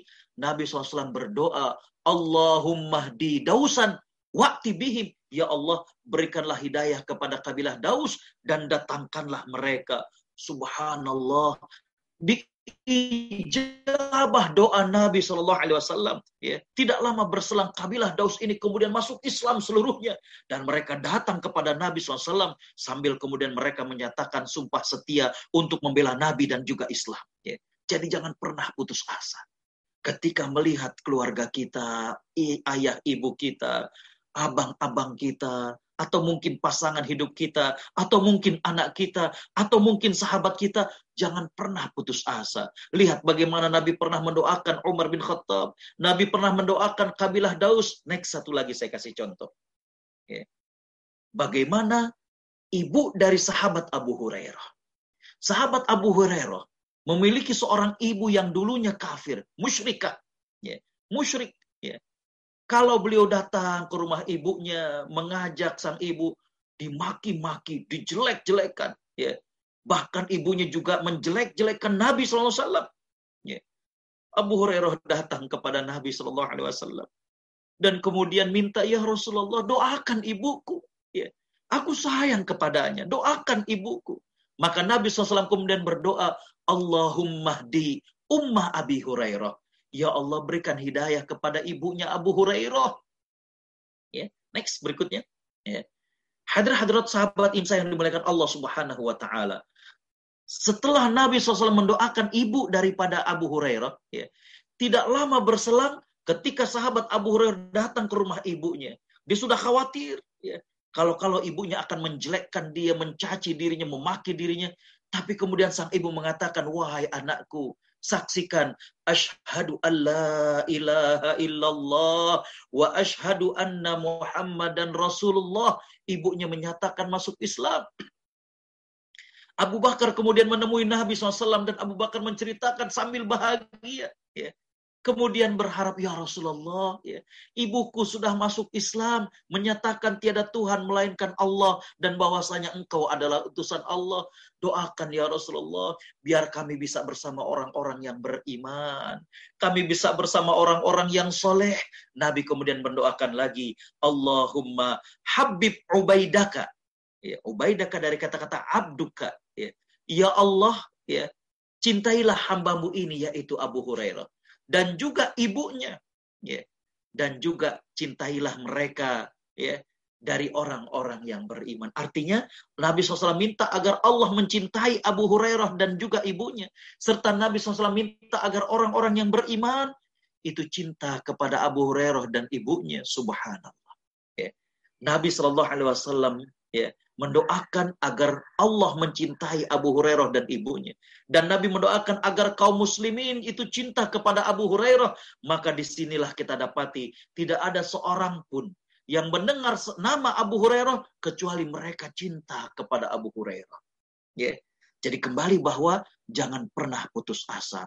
Umar bin Khattab yang tadinya membenci Islam menjadi pembela Islam. Umar bin Khattab yang tadinya kemudian tidak suka dengan Islam justru banyak memberikan jasa terhadap Islam. Next. Hadirin hadirat para perindu surga Allah Subhanahu wa taala, kembali bahwa sangat-sangat terbatas waktu untuk menceritakan sosok yang mulia ini. Namun di antara pelajarannya adalah bagaimana kita untuk tidak putus asa, berdakwah, mengajak dan juga bagaimana masing-masing kita untuk bisa memberikan apa yang terbaik untuk keislaman kita. Demikian yang bisa saya sampaikan. Kurang lebihnya mohon maaf. Jazakumullah ahsanal jaza. Wassalamualaikum warahmatullahi wabarakatuh. Waalaikumsalam warahmatullahi wabarakatuh. Masya Allah, Masya Allah. Alhamdulillah, Masya Allah. Jazakumullah khair Ustaz Agus. Sudah memberikan kita cerita yang sangat-sangat penting dan sangat berharga menurut saya. Tadi tadi yang saya sempat uh, catat dan garis bawahi Ustadz mengenai bagaimana uh, konsep Baitul Mal, kemudian bagaimana uh, Umar bisa berpendapat bahwa zakat itu bisa disalurkan dengan uh, memberikan manfaatnya. manfaatnya. Masya Allah, saya jadi ingat Ustadz. Di sini kita, uh, saya juga uh, pernah berinteraksi dengan salah seorang uh, orang tua dari Eh, teman dari anak saya di sekolah, ternyata dia berkecimpung di organisasi yang uh, mensupport uh, orang-orang yang dipenjara, mereka terutama yang mu'alaf. Hmm. Mereka menerima zakat dan dirupakan dalam bentuk modul-modul dan buku-buku untuk orang-orang yang dipenjara itu untuk lebih memperdalam Islam lagi. Yeah. Karena secara uh, istilahnya kebutuhan untuk hidupnya karena di penjara makan dan segala macam sudah dipenuhi oleh uh, pemerintah. Betul. Namun Betul. kebutuhan untuk belajar agama Islam ini supaya lebih bisa tahu, lebih berkembang itu sangat diperlukan. Beliau masuk dengan menggunakan uang zakat. Masya Allah bahkan dari eh, mereka-mereka uh, ini yang sudah graduate, yang sudah keluar bahkan sudah ada yang menjadi dai. Kemudian oh, ada yang Masya Allah, saya teringat ini tadi bisa relate ke situ bagaimana sangat berharga juga ini. Bagaimana Umar ini berpendapat untuk bisa menggunakan uang zakat kepada orang yang seharusnya menerima zakat namun dalam bentuk manfaat. Manfaatnya. Ya, tidak dari uangnya namun dari manfaatnya dalam uh, dirupakan dalam bentuk buku-buku pembelajaran Islam, modul-modul, kemudian teaching assistant Islam. Masya Allah, Masya Allah. Ah, ini sambil kita menunggu nih Bapak Ibu sekalian, uh, silahkan kalau ada pertanyaan kepada Ustadz Agus ini bisa melalui chat atau juga bisa uh, langsung melalui Zoom dengan uh, meng-unmute ya. Nah, jangan lupa ya karena kita semua di mute ini. Nah, silahkan kalau ada pertanyaan. Masya Allah. Uh, nah ini Alhamdulillah Ustadz Agus ini ada satu pertanyaan yang masuk. Uh, pada saya nih melalui chat ini, uh, apakah ada buku yang bisa menjadi referensi untuk mengetahui tentang Umar bin Khattab? Nah, ini karena tentunya dengan waktu kita yang sangat terbatas ini, Ustadz Agus, uh, poin-poin yang Ustadz Agus berikan, masya Allah, namun mungkin ada juga beberapa bapak-bapak, ibu-ibu kepingin karena tergerak ini, karena kepingin tahu lebih tahu lebih jauh mengenai Umar ini ada referensi buku untuk mengetahui Umar lebih jauh. Bismillahirrahmanirrahim. Alhamdulillah Rabbil Alamin. Wassalatu wassalamu ala ashrafil anbiya wal mursalin. Nabiyyina Muhammadin wa ala alihi wa sahbihi ajma'in. Uh, hadirin hadirat sahabat IMSA yang dimuliakan Allah Subhanahu wa taala ya. Menarik sekali pertanyaannya ini uh, menunjukkan bagaimana uh, semangat kita untuk tahu lebih dalam tentang Umar bin Khattab ya. Uh, ada banyak uh, buku tentang Umar bin Khattab ya. Di antaranya adalah ada buku yang ditulis tentang sirah tentang Umar bin Khattabnya ya. Uh, saya coba uh, searching dan uh, ternyata buku tersebut sudah diterjemahkan ya dan uh, yaitu judulnya biografi Umar bin Khattab ya. Namun ada juga buku yang uh, khusus membahas tentang ijtihad-ijtihad daripada Umar bin Khattab. Ya, ini juga bagus kalau memang uh, ingin yang lebih advance ya, artinya ingin mengenal kembali uh, ijtihad-ijtihad Umar bin Khattab selain hal itu apa. Ya, contoh misalkan tadi tentang masalah Umar bin Khattab berijtihad bagaimana uh, apa namanya uh, agar uh, tanah tersebut tidak diberikan kepada para tentara ya karena uh, tentara itu nanti akan beralih tugas menjadi uh, pekebun ya. Uh, maka Umar memberikan manfaatnya. Dan di antara ijtihad Umar yang lain adalah beliau menambahkan ya hukuman cambuk bagi peminum khamr. Karena menurut Umar bin Khattab bahwa angka 40 kali cambuk ini bagi mereka yang sudah dua tiga kali tertangkap minum dan tidak ada efek jerah maka perlu ditambahkan. Ini juga menjadi sebuah uh, ijtihad dan ide kepada uh, para praktisi hukum bahwa efek jerah ini penting, bukan hanya berkaitan dengan dengan angka-angka yang sudah disebutkan oleh Nabi SAW tentang masalah hukuman bagi mereka yang apa namanya uh, minum khamar. Yang berikutnya kita tadi belum berbicara tentang konsep betul mal Umar bin Khattab. Saya pernah ceramah di uh, Departemen Keuangan di DJKN, Direktorat Jenderal Kekayaan Negara, dan waktu itu Pak Dirjen sangat tertarik. Saya katakan bahwa konsep tentang Baitul Mal dalam Islam ini sangat luar biasa sebenarnya, ya. Untuk bisa kemudian kita uh, membukakan wawasan, ide dan lain sebagainya. Dari mulai misalkan definisi kekayaan saja, apa yang merupakan aset negara, itu Umar bin Khattab sangat jeli bahwa yang disebut dengan aset itu ini, ini dan lain sebagainya. Ya, jadi uh, kembali bahwa Eh, sangat kaya Umar bin Khattab dengan sumbangan-sumbangan di bidang itu. Dan ada buku khusus tentang ijtihad-ijtihad Umar bin Khattab, termasuk juga di zaman Umar bin Khattab pernah ada yang mencuri dan tidak di tidak dipotong tangan oleh Umar. Ya. Karena ternyata orang tersebut mencuri lantaran kelaparan. Ya. Justru Umar kemudian menegur kepada orang-orang kaya. Jadi banyak hal yang e, menarik dari istihad-istihad Umar bin Khattab e, sehingga kemudian ada banyak yang kemudian mengkhususkan bukan hanya biografinya, sejarahnya dan lain sebagainya, tapi juga ini merupakan khazanah intelektual yang diwariskan kepada kita. Ya, itu di antara buku-buku berkaitan tentang Umar bin Khattab dan sebagian sudah diterjemahkan. Mohon maaf saya nggak uh, sebutkan, khawatir nanti dianggap promo di sini ya. Wallahu a'lam. Masya Allah, Alhamdulillah. Nah, Bapak-bapak, Ibu-ibu, ya ini bagi yang kepingin atau tertarik untuk belajar lebih jauh tentang Umar tadi ya, sudah ada biografi Umar. Ayo silahkan kita cari nanti, insya Allah. Dan tentunya nggak hanya Umar ini nanti karena minggu depan kita mendengarkan yang lain lagi, wah tentunya bapak-bapak ibu ini nanti juga akan tertarik dengan yang lain lagi. Namun insya Allah semoga kita diberikan kesempatan waktu untuk bisa banyak membaca biografi-biografi orang terkenal tidak hanya orang-orang di zaman sekarang, namun dari para sahabat salafus salih yang bisa menginspirasi kehidupan kita. Insya Allah, wah ini makin ada pertanyaan juga ini. Wah ini kebetulan uh, sehubungan dengan kondisi yang sekarang, Ustadz. Wah ini karena banyak ya ketika uh, uh, apa namanya, ketika COVID ini terjadi, kemudian kan banyak uh, apa termasuk Mekah sendiri ya. Jadi banyak negara-negara Islam bahkan di sini juga ketika awal-awal di Amerika ini juga Ustadz ada juga yang uh, istilahnya lembaga-lembaga agama yang mensupport mengenai uh, dengan tidak adanya uh, masjid dan segala macam. Kemudian uh, akhirnya bahkan sekarang kita melihat sendiri kondisi bahwa kita tidak bisa melakukan tarawih atau di masjid. Lah ini mungkin yang berkaitan uh, ada yang bertanya mengenai ketika cerita mengenai ketika Umar menghadapi wabah tahun yang kalau nggak salah itu sahabat uh, Ubaidah. Uh, Abu Ubaidah Jarrah. Ya, ya itu mungkin ada satu yang uh, pemirsa kepengen tahu mengenai itu. Nah, hubungannya dengan kondisi yang sekarang sangat-sangat relevan. Baik. Bismillahirrahmanirrahim. Alhamdulillah salatu wassalamu ala Rasulillah wa Jadi kita bisa buka dalam tarikh At-Tabari atau Al-Bidayah wa Nihayah karangan Imam Ibnu Katsir di Sahih Bukhari juga ada tentang hadis itu dan kemudian kisahnya disampaikan oleh para ulama. Ya. Bagaimana di masa Umar bin Khattab menjadi khalifah, Umar tadi saya katakan ingin memperluas wilayah Islam ke Syam karena di zaman Abu Bakar baru sampai Yarmuk dan kota yang lainnya, belum sampai keseluruhan Syam.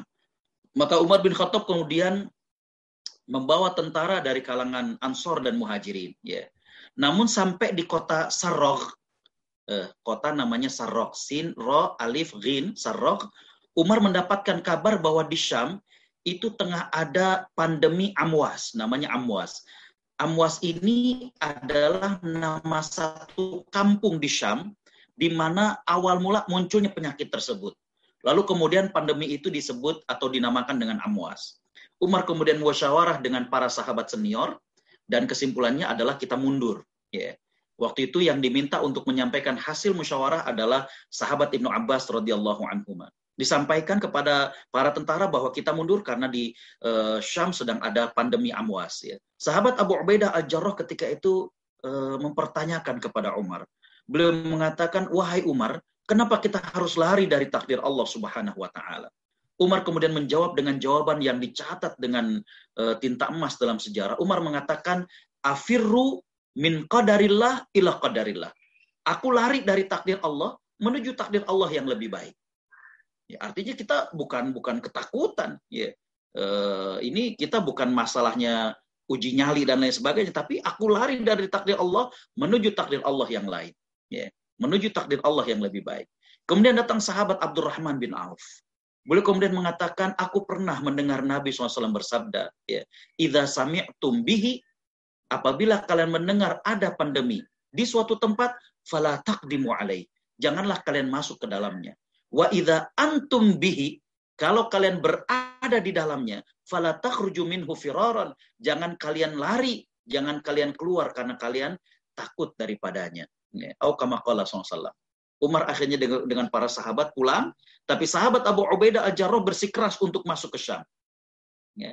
Sesampainya Umar di Madinah, beliau mendapatkan kabar sahabat Abu Ubaidah itu kemudian terinfeksi, tertular dengan uh, penyakit tersebut. Maka Umar kemudian menulis surat, ya, mengatakan, mengajak agar ayo kembali ke Madinah. Ya. Tapi kemudian sahabat Abu Ubaidah ini menolak, dan kemudian diriwayatkan bahwa beliau meninggal bersama para sahabat yang lain. Jadi yang meninggal di Syam karena uh, pandemi Amwas itu adalah Abu Ubaidah al-Jarrah, Muaz bin Jabal, Yazid bin Abi Sufyan dan lain sebagainya. Ya. Di sini menunjukkan bahwa ya suatu sunnah kepada kita. Kalau kita berada di suatu tempat yang terjadi pandemi, memang kita uh, tidak diperbolehkan untuk uh, keluar dari tempat tersebut. Ya. Tapi kalau memang dibutuhkan, maka itu dibolehkan. Contohnya misalkan evakuasi warga Indonesia yang waktu itu sedang ada di China, di Wuhan, para pelajar mahasiswa dievakuasi karena memang ada keperluan, maka itu tidak bertentangan dengan hadis tersebut. Ya, jadi kondisinya demikian dan eh, dalam Islam atau dalam sejarah Islam itu ada banyak eh, sekali diceritakan bahkan Imam Ibnu Hajar punya buku khusus judulnya adalah Badlul Mad'un fi Fadli Ta'un. Ya, itu khusus bagaimana beliau cerita tentang bagaimana pandemi-pandemi yang pernah terjadi di zaman dulu bahkan diriwayatkan oleh Imam At-Tibi, Imam Ibnu Hajar kemudian dikutip, Imam At-Tibi cerita bahwa pernah terjadi suatu wabah, bukan itu. Jadi pernah terjadi lagi, itu dalam tiga hari 50 ribu orang meninggal dunia. Ya. Jadi kembali bahwa ini adalah uh, hal yang pernah terjadi, tapi wallahu alam, saya tidak mendapatkan riwayat yang menyatakan bahwa pandemi itu setiap kelipatan 20. Jadi 100 tahun dan ada ujungnya 20. Itu saya tidak mendapatkan riwayatnya. Memang itu hanya pengamatan saja mungkin ya. Eh, apa ngepas-ngemasin atau diistilahkan dengan yang lain itu ilmu cocokologi ya, ilmu mencocokkan ya. Eh, saya tidak mendapatkan riwayat dan eh, atau apa yang disebutkan ulama tentang bahwa ini kejadiannya setiap 100 tahun dan biasanya kalau ujungnya 20 itu eh, saya tidak mendapatkan itu. Demikian wallahu a'lam. Masya Allah. Ini terima kasih atas tambahan terakhirnya Ustadz. Saya malah belum belum dengar mengenai itu.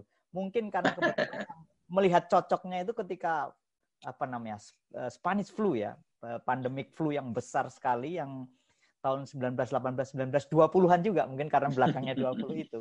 Memang kalau saya dengar itu sangat parah sekali itu, kurang lebih mungkin kalau melihat berita itu kalau membaca itu mungkin uh, dalam uh, berapa 50 juta orang itu hmm. meninggal karena yeah, yeah. Ya. Spanish flu itu ya. Iya, iya, iya. Itu karena yang terkena pun kurang lebih 500 juta orang kalau waktu saat itu kurang lebih sepertiga penduduk dunia mungkin. Masya Allah, ini ada pertanyaan lagi nih Ustaz. Alhamdulillah ini. Wah, ini pertanyaannya Masya Allah ini bagus nih. Apakah ada kupasan kepemimpinan Umar dalam sisi politik Islam? Nah. Ya, Uh, Bismillahirrahmanirrahim. Alhamdulillah salatu wassalamu ala Rasulillah. Uh, tentang kepemimpinan Umar dari sisi politik Islam banyak juga yang membahas ya dan juga banyak uh, ide-ide brilian dari Umar bin Khattab yang uh, bisa kemudian menjadi uh, pelajaran buat kita semuanya. Di antaranya Umar bin Khattab ini punya uh, perbedaan dengan uh, Uthman bin Affan ya. Uthman bin Affan ya, beliau seorang yang pemalu Eh, kita akui bahwa uh, dalam kepemimpinan itu uh, kadang style orang satu dengan yang lain itu berbeda. Ya. Uthman bin Affan itu beliau lebih kepada orang yang beliau itu bisa komunikasi secara lebih bebas dengan orang itu. Ya. Sehingga nanti kalau pekan depan kita membahas tentang Uthman bin Affan, uh, Uthman bin Affan ini sering dituduh melakukan nepotisme karena uh, banyak mengangkat kerabatnya, padahal tidak demikian. Ya. Uthman bin Affan ini uh, orang yang memilih untuk mengangkat orang yang dia itu udah nyaman. Uh, seperti halnya kita juga, misalkan di maaf kita dijadikan sebagai uh, katakanlah PIC untuk apa. Nanti ketika kita ngajak teman-teman itu biasanya memang kita ngajak tuh udah enak ngomong itu udah udah uh, ketika nyuruh minta tolong tuh gak ewuh pakai ewuh nggak nggak nggak sungkan dan lain sebagainya. Nah, itulah ide daripada Utsman bin Affan. Tapi kalau kepemimpinan Umar bin Khattab beliau berbeda ya.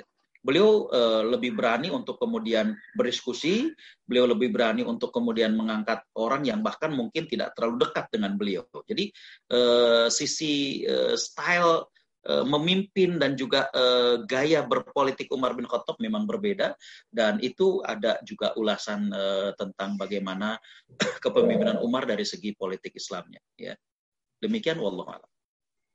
Masya Allah. Masya Allah. Alhamdulillah. Ya, jadi ingat juga ketika Umar itu kalau nggak salah sampai anaknya itu tidak mau istilahnya walaupun dia khalifah dia nggak mau anaknya ini lebih diutamakan. Nah, ini yeah. berhubungan dengan kerasnya tadi ya. Masya Allah. Ini ada pertanyaan menarik nih Ustadz ini. Wah ini Alhamdulillah ini pertanyaan ini berkaitan dengan cerita-cerita tadi Ustadz. Yeah. ba uh, banyak dilihatkan, eh, banyak dicontohkan Umar banyak membuat istilahnya kalau sekarang dibilangnya bid'ah. Jadi istilahnya pembaharuan. Nah, atau mungkin ini di, di sini pertanyaan mengenai bid'ah. Apakah ini sesuatu yang bisa atau perlu dicontoh, Ustaz? Ya. Bismillahirrahmanirrahim. Alhamdulillah, salatu wassalamu ala rasulillah wa. Uh, memang menarik kalau kita membahas tentang uh, bid'ah ya. Bahkan uh, ada sebuah ide untuk redefinisi tentang bid'ah. Sehingga kemudian umat itu perlu pemahaman yang utuh tentang bid'ah itu apa sih ya. Sehingga kemudian kita juga bisa lebih proporsional kita juga bisa lebih utuh ya. Kita tidak mudah untuk mengatakan ini bid'ah ataupun kemudian kita juga tidak terlalu bebas ya. E, kalau kita lihat bahwa apa yang disampaikan oleh Umar bin Khattab ya ini e, ada dasarnya semuanya. Umar bin Khattab hanya melakukan pengembangan-pengembangan ya melakukan pengembangan-pengembangan ya. Sehingga eh, apa yang dilakukan oleh Umar bin Khattab ini tidak bisa dikatakan sebagai bid'ah yang dikecam atau bid'ah yang dilarang karena Umar bin Khattab itu adalah melakukan pengembangan-pengembangan apa yang di masa Nabi SAW itu sudah ada. Hanya oleh beliau itu dikembangkan ya. Contoh tadi saya katakan bagaimana Umar punya ide untuk eh, apa namanya eh, membukukan atau menyalin ulang tentang mushaf ya. Dan perlu diketahui bahwa ketika di zaman Nabi SAW eh, Al-Quran itu tidak ada tanda baca bahkan tidak ada titik ya. Tidak ada tanda baca ya. Tapi mereka faham ya. Mereka tahu ya. Maka kemudian kalau kita baca dalam sejarah yang pertama kali kemudian memberikan ide ataupun jasa untuk titik kemudian fatah itu adalah uh, Abu Fahad Al Farahili ya. Jadi kembali bahwa uh, itu ada uh, tetap dasarnya dan itu tidak bisa dikategorikan sebagai bid'ah. Yang kedua yang ingin saya sampaikan adalah bahwa ya uh, kita sepakat bahwa bid'ah itu adalah uh, dolalah ya. Cuma kita perlu juga bijak bahwa ternyata uh, menentukan satu masalah ini bid'ah atau tidak itu kadang bisa berbeda orang ya. Dan ini bukan hanya di kalangan awam, di kalangan para ulama. Bahkan bukan saja ulama antara eh, katakanlah maaf Indonesia dengan Arab atau Mesir dengan Arab, antar ulama yang satu negara pun itu bisa berbeda. Contoh misalkan antar ulama yang ada di Saudi pun bisa berbeda. Contoh misalkan eh, dalam bahasa Arab namanya asya al-aza. Makan malam di rumah orang yang eh, kematian. Ya. Jadi kalau ada yang meninggal dunia, ya kemudian setelah dikuburkan malamnya itu suka pada datang dan kemudian dihidangkan uh, jamuan ya. Ini di antara ulama di Arab Saudi sendiri terjadi perbedaan. Ada yang mengatakan bahwa itu bid'ah ya. Orang yang lagi kesusahan kok menyediakan makanan ya. Mestinya ya kita yang bawa untuk menghibur dia. Tapi sebagian ulama lagi mengatakan itu tidak bid'ah ya. Membuatkan makanan untuk mereka yang datang kalau niatannya adalah untuk memuliakan tamu itu bukan bid'ah ya jadi lihat, mereka sepakat bahwa bid'ah itu adalah sesat, dolalah, tapi suatu amal ini bid'ah atau tidak, nah itu perlu bijak agar kemudian kita tidak mudah. Atau misalnya isti'malul masbahah, menggunakan tasbih, ya, menggunakan tasbih. Ya. Sebagian ada yang mengatakan bahwa itu adalah bid'ah, karena tidak pernah dilakukan oleh Nabi SAW. Ya. Sebagian lagi mengatakan tidak, ya, itu tidak bid'ah. Buktinya Hafsah itu pernah berzikir ya sambil kemudian menggunakan kerikil jadi dihitungin oleh Hafsah ya. Apa bedanya kalau sekarang kemudian kayak kerikil-kerikil itu kemudian kita satukan dan dikasih benang sehingga kemudian menjadi tasbih. Jadi kembali bahwa ya yang pertama saya ingin katakan bahwa apa yang dilakukan oleh Abu Bakar, oleh Umar ini bukanlah bid'ah yang dikecam karena apa yang mereka lakukan itu ada dasarnya dan ini hanya pengembangan-pengembangan ya. Yang kedua adalah bahwa tentang masalah bid'ah kita perlu uh, definisi yang utuh agar kemudian uh, bisa saling uh, memahami dengan baik. Yang ketiga adalah uh, kita sepakat bahwa bid'ah itu dolalah, tapi menentukan suatu amal ini bid'ah atau tidak itu perlu kajian yang lebih mendalam. Demikian, wallahu a'lam.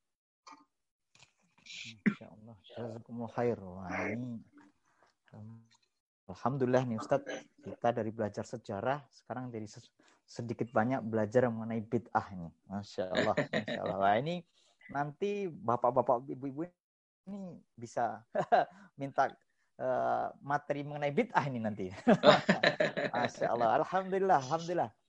Ayo, mari silakan bapak kalian uh, ditunggu pertanyaannya. Wah ini sudah uh, sudah waktunya sudah Wah, tinggal lama lagi. Ya, insya Allah. Eh, tapi insya Allah mungkin kalau ada mas saya tunggu nih masih ada satu pertanyaan lagi kalau ada silakan bapak-bapak, ibu-ibu berhubungan dengan Umar.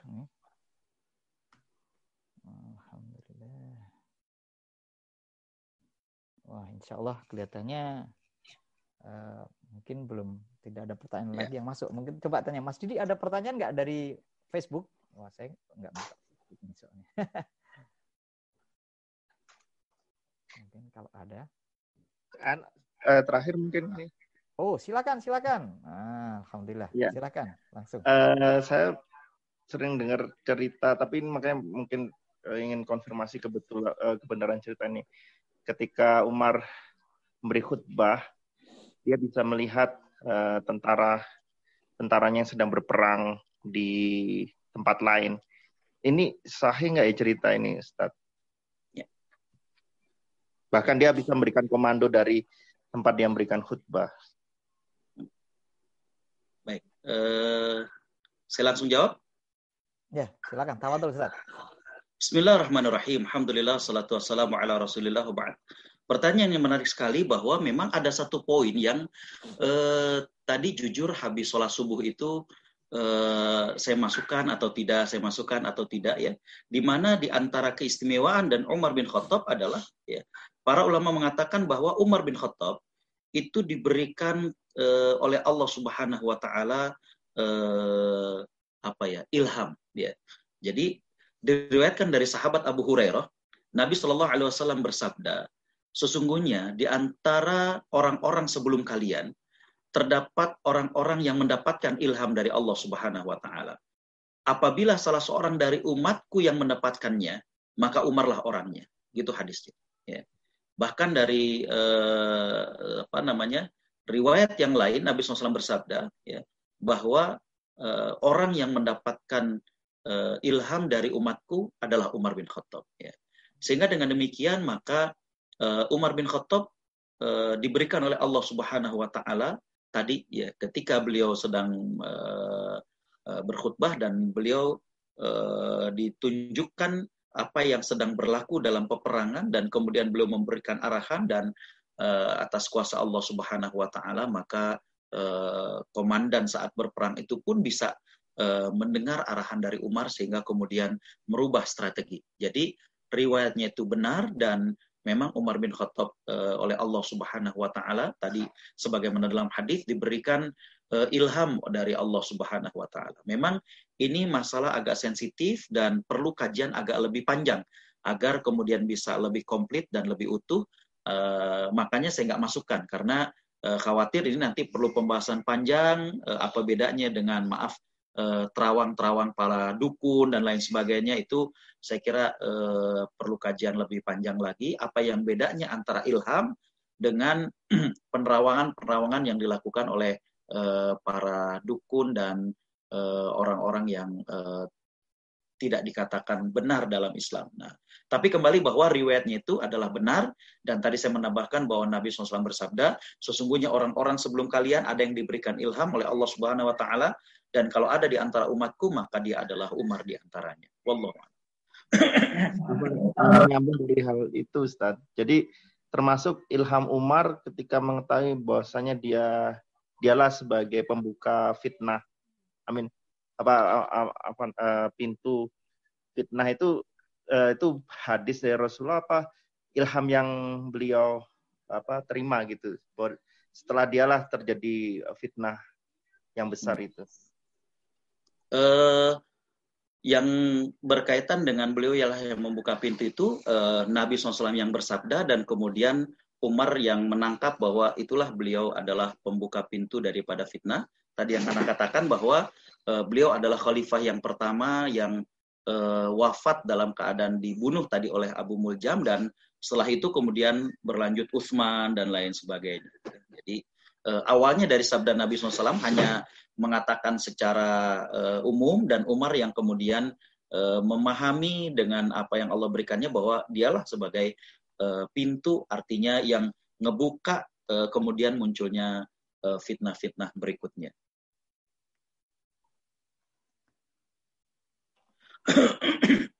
Alhamdulillah, jazakumullah khair Ustaz. Wah, tanpa terasa nih Bapak-bapak, Ibu sekalian uh, yang dirahmati Allah, ternyata kita sudah kurang lebih hampir satu setengah jam bersama Ustadz Agus dengan uh, cerita beliau mengenai sahabat Umar yang sudah dijanjikan surga ini. Ya, insya Allah semoga bisa menjadi uh, menjadi penyemangat kita bahwa kita harus bisa mencontoh mereka-mereka yang sudah sudah dijanjikan dengan surga. Nah, karena tentunya kita mempunyai goal yang sama, kita harus bisa masuk surga. Jangan sampai kita tertinggal. Insya Allah eh, Bapak-Bapak Ibu dirahmati Allah, eh, salah satu hal yang mungkin menjadi catatan yang menurut saya juga jangan kita lupakan dari cerita Ustadz Agus tadi mengenai kisah hidup Umar ini, radhiyallahu anhu, bagaimana jangan sampai kita ini berputus asa. Nah, ini masya Allah ini. Bagaimana jangan sampai kita berputus asa di mana dicontohkan Rasulullah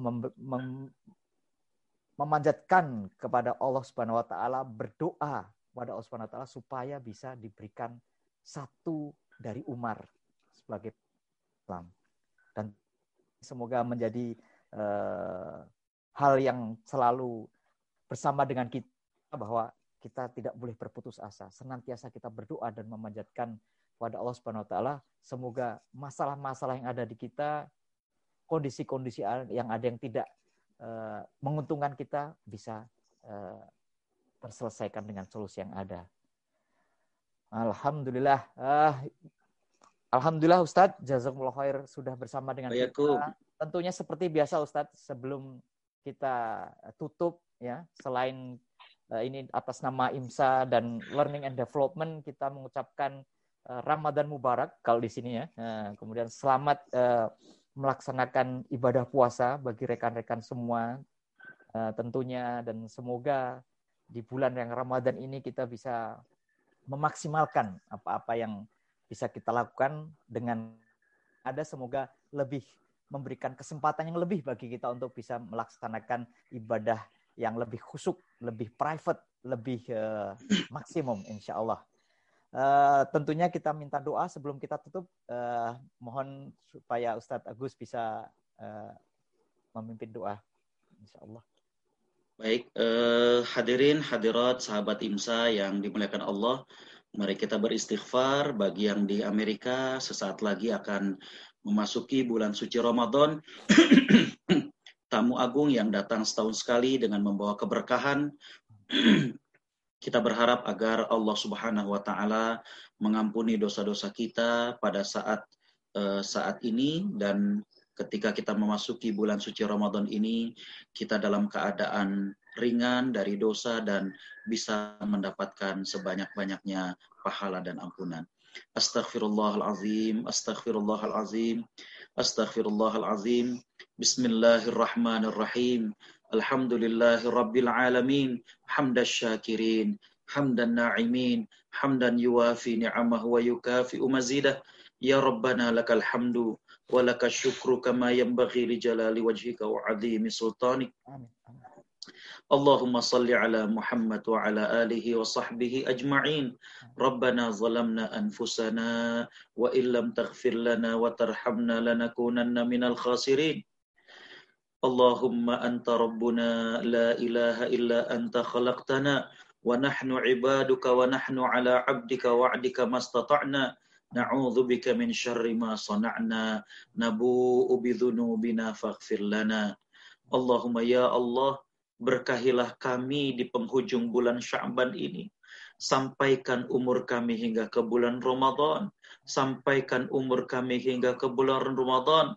Allahumma ahillahu alaina bil amni wal iman was salamata wal islam wat taufiq lima yuhibbu rabbuna wa yardah. Allahumma ya Allah, selamatkanlah kami di bulan Ramadan ini. Selamatkanlah Ramadan dari ucapan dan perbuatan kami. Jadikan amal-amal kami di bulan Ramadan ini engkau terima. Allahumma ya Allah muliakanlah kami untuk mampu meraih Lailatul Qadar. Muliakan kami untuk mampu meraih Lailatul Qadar. Ya Allah ya Tuhan kami, kuatkanlah tekad dan semangat kami untuk bisa meraih sebanyak-banyaknya pahala dan sebanyak-banyaknya ampunan. Allahumma ya Allah, Engkau adalah Tuhan kami. Ampuni juga dosa ibu dan bapak kami. Sayangi mereka sebagaimana sayangnya mereka pada kami. Allahumma ya Allah, bahagiakanlah kami bersama keluarga kami. Allahumma ya Allah, bimbinglah kami dan keluarga kami. Bimbinglah anak-anak kami, ya Allah, untuk menjadi anak-anak yang soleh dan solehah. Anak-anak yang kelak akan bermanfaat bagi umat dan Islam ini. Allahumma ya Allah, akhirilah segala wabah yang ada ini. Ya Allah, ya Tuhan kami dengan keberkahan bulan Ramadan dengan saum, dengan tilawah, dengan sedekah yang kami lakukan. Kami mohon ya Allah, angkatlah segera wabah ini dari negeri-negeri kami ya Allah. Kami rindu untuk sujud di masjidmu. Kami rindu untuk sholat Jumat di masjidmu. Kami rindu untuk kembali terawih bersama kaum muslimin dan muslimat di masjidmu. Allahumma ya Allah, akhirilah wabah ini ya Allah. Selamatkanlah diri kami, keluarga kami, masyarakat kami. Rabbana atina fid dunya hasanah wa fil akhirati hasanah wa qina adzaban nar wa bi fadli subhanaka rabbina rabbil izzati amma yasifun wa salamun alal mursalin walhamdulillahi rabbil alamin Alhamdulillah, alhamdulillahi rabbil alamin. Jazakumullah khair Ustaz Agus. Dan tentunya Bapak-bapak, Ibu sekalian sebelum kita tutup tentunya tidak lupa kita dari Learning and Development IMSA mengucapkan terima kasih yang sebesar-besarnya tentunya dari kepada Ustadz Agus yang sudah meluangkan waktunya bersama kita, juga kepada bapak-bapak, ibu-ibu yang sudah bersama dengan kita, kepada uh, Radio IMSA terutama oleh Mas dengan Mas Didi dan tentunya oleh pihak-pihak yang membantu kelancaran acara Learning dan Development. Jangan lupa stay tune dengan Learning and Development tim dari IMSA uh, tentunya kita ada masih ada session minggu depan bersama Ustadz Agus dan tentunya juga ada session-session di hari yang lain dengan Ustadz yang lain. Uh, juga kita ucapkan terima kasih atas kontribusi dan sumbangan kepada Imsakir. Apalagi kita sudah mendekati bulan Ramadan, uh, kita sediakan, kita siapkan sodakah kita yang terbaik untuk bisa ikut berkontribusi uh, melalui Imsakir. Sekian, jazakumullah khair. Kalau ada kekurangan kita dari moderator, mohon maaf sebesar-besarnya. Uh, Ustaz Agus, jazakumullah khair. Waalaikumsalam. minggu depan, Bapak. Insya Allah. Insya Allah. Wassalamualaikum warahmatullahi wabarakatuh. Waalaikumsalam. Izin pamit. Terima kasih. Assalamualaikum.